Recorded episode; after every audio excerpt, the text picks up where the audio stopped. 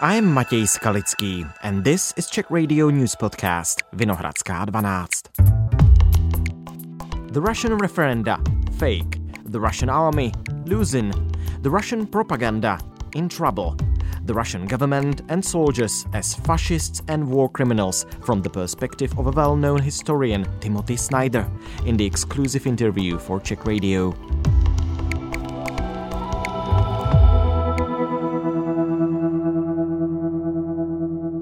It's Sunday, October 9th. This is a special episode of Czech Radio News Podcast Vinohradská 12, an interview by Jan Kaliba, a Czech Radio foreign correspondent in the USA, with Timothy Snyder. They met at the conference called Havel and Our Crisis at the Colby College in Maine. Regarding the language point you have made with the other panelists regarding the men who are now fleeing Russia and how to frame them. The other thing is that uh, Russia is going to probably proclaim now after the Sham referenda the regions as, as Russia. So, how this change of language actually changes the situation, uh, the reality, how dangerous it will suddenly become after the change of this, this language. Well, when one speaks about the Russian government, one should immediately be on one's guard about language, and one should assume, in fact, it's safest to assume that whatever is being said, something like the opposite is in fact meant. So, Russia announced that under no circumstances was it going to invade Ukraine. And of course, that meant they were going to invade Ukraine. And Russia announced that the reason it was invading Ukraine was in order to denazify Ukraine, by which they meant that they, the Russian fascist government, was going to try to kill the Ukraine's democratically elected president, who happens to be Jewish and related to people who were murdered in the Holocaust. So, a safe methodological way to begin is to assume that what Russia says, you would better interpret it the opposite way around. So, I, I would never dream of using the word referendum to describe what has just happened in the four Ukrainian oblasts. And I think Reuters and other news services that use the word referendum are making a tremendous mistake. It's it's not a referendum to ask a tiny percentage of people in a region a question while threatening them with violence. And it's not a referendum when you already have the results decided in advance. But it's worse than that. It's like with denazification, the word referendum distracts you from the fundamental thing which is happening, which is that Russia is claiming that people like their own genocide. It's a totally preposterous claim. If you ask people in the places that Ukrainian army has liberated, did you like being tortured by the Russians? Did you like being raped by the Russians? Did you like it when your local leaders were murdered by the Russians? Do you like the death pits around your town? Of course, the answer is no, it's grotesque, it's absurd even to think about it. But in these media exercises, which people unfortunately call referenda, this is what the Russians are saying. They're saying, well, 97% of people in Luhansk like to be murdered. They like to be raped. They like to be deported. They like to be tortured. That's not just wrong, it's grotesque. It's atrocious. And I would say that it's actually an element of the war crimes themselves that you claim that the people who were the victims approve of the crimes that were being committed upon them. I think that's the best way to think about referenda, the so-called referenda. And uh, you know, and by the way, they didn't even bother to take the votes. You know, nothing like a referendum. Even if you don't believe what I just said, nothing like a referendum even remotely happened in the real world. They pointed a few guns at a few people. They collected a few pieces of paper on camera, and then they gave you a predetermined result. So, uh, as as far as the the men fleeing the Russian Federation, I mean, they they certainly have my sympathy, and and they're right not to want to fight in the Russian army. I don't think it's necessarily a good idea to treat them as the victims of this war. The victims of this war are obviously the Ukrainians. And I don't think it's right to treat them as the primary political agents in Russia either. The primary political agents in Russia have been doing things for a long time besides running away from the draft, understandable though that might be. So I, I would suggest that the simplest thing to do is to think of these people as Russians dodging the draft. And you wouldn't necessarily give people who are dodging the draft from another country refuge in your country. And if anything, I think it's probably a moment where Russians have a chance to take responsibility for the future of their country. I think in the coming weeks and months, it'll be very important to have Russians inside Russia who are t- t- the kind of people who have the resources, mental, um, emotional and financial to actually try to leave the country. I think it's probably important that those people be in the country um, for for political reasons inside Russia itself. And so the the situation with uh, Russia claiming those four regions, do you take it as a pretext for them claiming now it's Russia, and when you are fighting for this uh, region, you are fighting on our land? Uh, so a pretext for even further escalation. So the situation might uh, be even more dangerous in coming weeks because of that? Mm, oh, no, I mean only if we make it so. It's um, it's it's clearly a sign that Russia is losing the war. I mean, it's a sort of bluff, right? So if you can't defend, you in, you invade and you lose, and then you say, well, even though I'm losing this war, I'm secretly winning because I'm going to claim that your country is my country. Honestly, it's not a very impressive maneuver. It's hard to think of examples where people have been impressed by something like that, and there's no reason why the Ukrainians should be impressed, and obviously they're not. And I think this is a moment where we should be taking our cue from the Ukrainians rather than the Russians. It's you know the Russians can say that, but whether those words have any power doesn't depend on the Russians. It depends on us. This is an attempt to use the power of words at a moment when Russian power on the battlefield has been demonstrated to be weak. So it's like the Russians are basically giving us a chance to fall for yet another of their linguistic tricks. And of course, we can say, oh, yes, we'd like to fall for your linguistic trick and give you the things that you're asking for. But I don't see why we would do that. There's a war going on, and the war involves Russia on Ukrainian territory, and it involves the Ukrainians trying to drive the Russians off of Ukrainian territory. And that's very clear legally and morally in every other possible way. So the Russians, like, you know, when you're losing a fight, you don't get to hold up a piece of paper saying, actually, I'm winning the fight, you know. And when you're the one who started that fight, and when you started the fight by saying that you were going to try to murder the other person, the idea that you pull a piece of paper out of your pocket and say, I win, I win, is, is not just absurd, it's grotesque. So, I mean, the simple answer to your question is no. There's no reason why anyone would be taking this seriously. And in fact, I mean, I hope this is clear to everyone you know in a Czech audience, no one is taking it seriously. No one's taking it seriously. Not even Russia's allies are taking it seriously, or Russia's friends, its shrinking group of friends.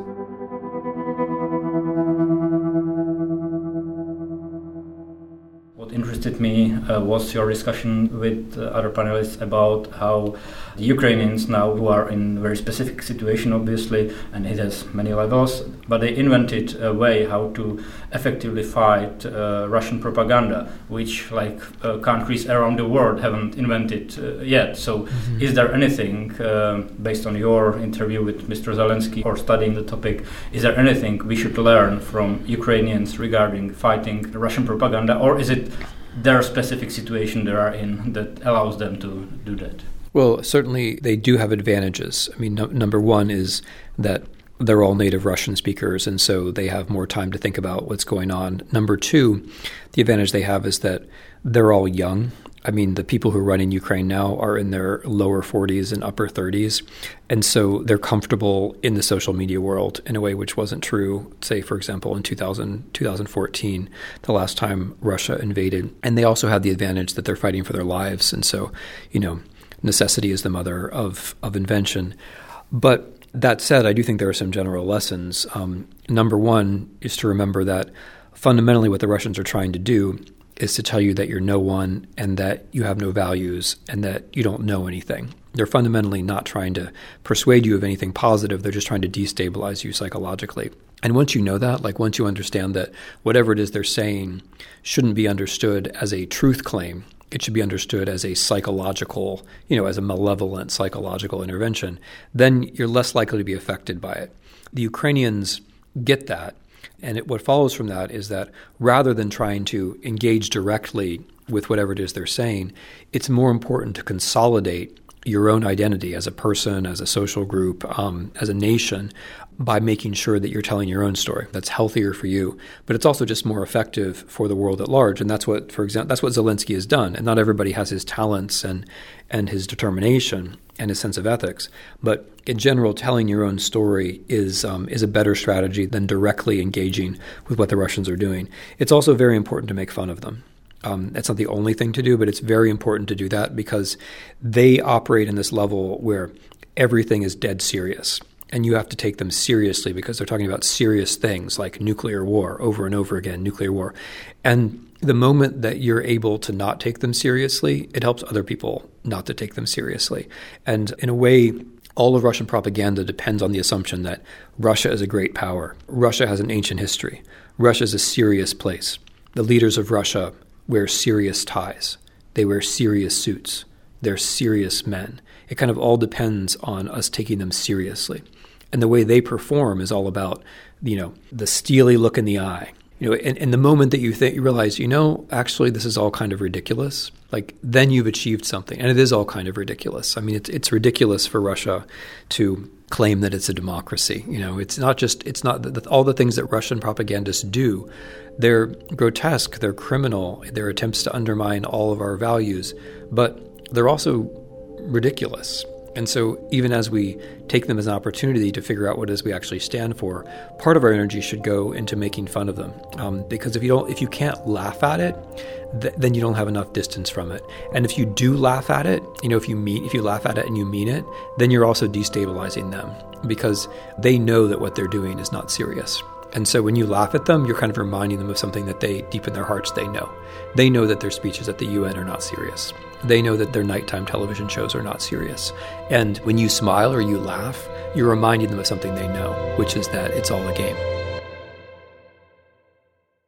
We've heard uh, many theories where Russia is possibly going after this war is uh, over and hopefully Ukrainians uh, win. And we can see now, to some degree, their army not being so great they, they have claimed, and uh, their society is now in, in chaos. But the disinformation and the information operations around the world and disinformation machine, it seems that it's going on uh, still on the same level. So, should we expect, uh, at, do you see the point where this uh, disinformation machine collapses? I mean, so broadly speaking, this is a question not just about Russia and disinformation.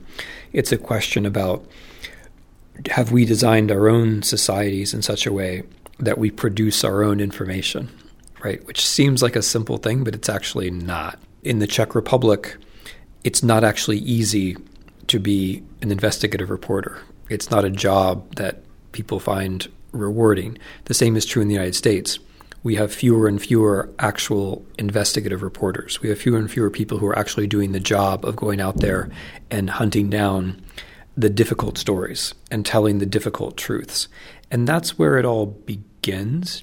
When you don't have in your own country policies that support pluralism in media and especially support reporting, you create this kind of vacuum. And into that vacuum comes uh, Facebook, social media, and and a vulnerability to propaganda which wouldn't be there otherwise. Whether it's your own propaganda or whether it's Russian propaganda, in a way, is secondary. The important thing is that governments that care about freedom and democracy have to also care about producing factuality inside their own country. So, Russia or no Russia, Putin or no Putin, we have a crisis, which in a way Russia is just helping us to see by exploiting the crisis which already exists in, in our own country. So, regardless of what happens in the war, we need to have more reporters. We need to have more reporters in other countries. We need to have more local reporters. All of us in the West, basically every country in the West, has this problem, which Russia has only exploited. But answering your question in the way that you've put it, yes, I think it's it's very important to see the disinformation as an integral element of the war itself. The war would not have been possible if so many people in the West had not fundamentally misunderstood Russia and that is a result of various things, but among other things, it's a result of not being able to make a distinction between state funded propaganda and journalism. You know, the war itself has taught some people that RT, for example, is not is not journalism; it's state-funded propaganda. We have to. That's a distinction that has to be alive for us. We, ha- we, we can't just say, like, oh, it's all free speech. We have to recognize there's a difference between actually trying to go out and find the difficult stories and the state, you know, reproducing fictional or half fictional things that are in the interests of, of the state. That distinction between, like, investigation and propaganda, we, we need it. You know, we, we desperately need it, not just vis a vis Russia, but also also vis a vis ourselves. So.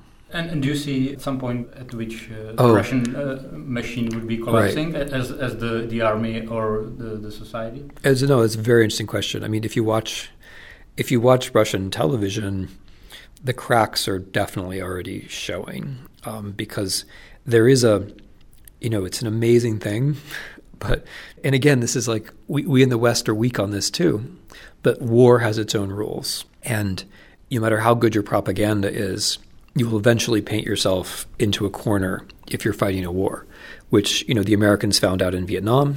You know, if you're fighting a war based on lies and you're losing it, you're gonna no matter how good your propaganda is, you're eventually going to find yourself in, in trouble. And Russian propaganda is now in trouble because they you know they a Putin did not prepare them for this. Um, so B Russian propaganda never really knew what it was doing in the story. So the story was, you know, their intuition said, we'll just talk about how it's a special military operation, we're winning, and the Ukrainians are all, you know, the Ukrainians are all whatever. They're they're Nazis, they're Satanists, they're evil, blah blah blah, whatever. They took the simplest possible route. But of course, if the Ukraine, if it's a special military operation and the Ukrainians are subhuman, then why are they winning? And why is it going on for so long? And and uh, and why is there a mobilization? And Russian propaganda has had a hard time with that. And you do see the cracks between some people who really seem to think that Russia is winning um, and other people who think it's time for a conversation about how the Ukrainians are real people. Like that's actually starting to show up in, in Russian propaganda. But I think that the, the real sign that some things are cracking will be when I don't think I think it's a good question because I think the system won't go away. I think all of Russian politics is based on this that on the media system. So, what we'll see is, I think, one of two things. Either we're going to find out that someone besides Putin is very wise, that from one day to the next or one week to the next, you know, it'll be all the same, except it's somebody else, some other man whose name starts with P, who's now the wise man behind everything. That's one variant. Another variant is that there are a few days where the political turmoil is so great that actually they don't broadcast, right? Like in August of, of 1991 and that will be when there's actually that will show that there's actually a struggle for power. And we don't know which guy with the last name that starts with p is actually is actually in charge. Those are the variants. And i think one of those two things is going to happen. Thank you so much mr Brewster. you're very welcome. And that's all for today. My colleague in the United States, Jan Kaliba, spoke to Timothy Snyder, an American historian, about the Russian propaganda and the use of language during the war. Thank you for listening.